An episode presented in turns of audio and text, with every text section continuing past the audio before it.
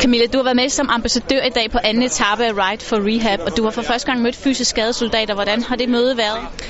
Jamen med far for det hele kan komme til at lyde så forfærdeligt klichéagtigt, så har det virkelig, virkelig været en fed oplevelse. Jeg har aldrig mødt så livsglade mennesker, og som har været så villige og åbne til også at fortælle, hvad der er, er sket dem. Og de er så forskellige. Nogle kommer videre med det samme, nogle hænger lidt i bremsen, og, men bare det, at de har lyst til at fortælle om, hvordan det har været for dem, og så i øvrigt at se dem cykle på den måde, de cykler. Nogle cykler kun med armene, nogle cykler med et ben, og altså, jeg tror, det er længe siden, at jeg har fået en oplevelse, hvor jeg virkelig har tænkt, hua, den sidder lige, lige, lige i hjertet. Har du kunne følge med dem?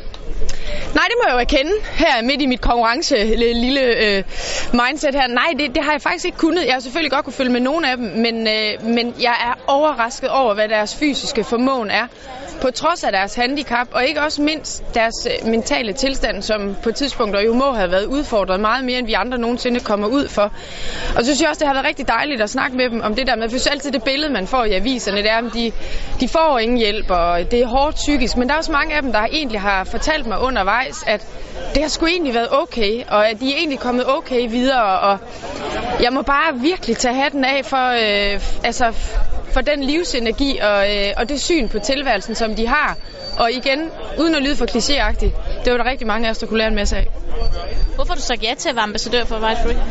Jamen, fordi det var en meget anderledes opgave. Jeg synes normalt, når det har været noget, så er det sådan noget med børn, eller det har været AIDS. Det har været mange forskellige ting, men jeg har aldrig været inde på det her øh, område, så da jeg blev spurgt, så var jeg faktisk slet ikke i tvivl, fordi øh, jeg har fulgt meget med i de der ting, der har været skrevet i medierne omkring soldater, og det er jo heller ikke nogen hemmelighed, at vi synes, stadigvæk har soldater ude.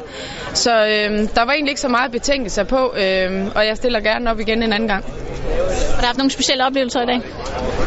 Ja, faktisk en mindre god en af slagsen. Jeg har simpelthen sendt en skadet soldat i grøften.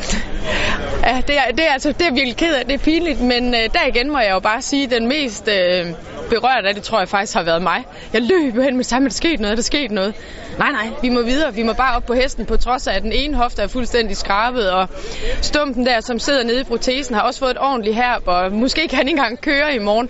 Men han skulle i hvert fald fuldende i dag, så nu har jeg også prøvet, hvad det vil sige at køre sammen med en anden cykelrytter.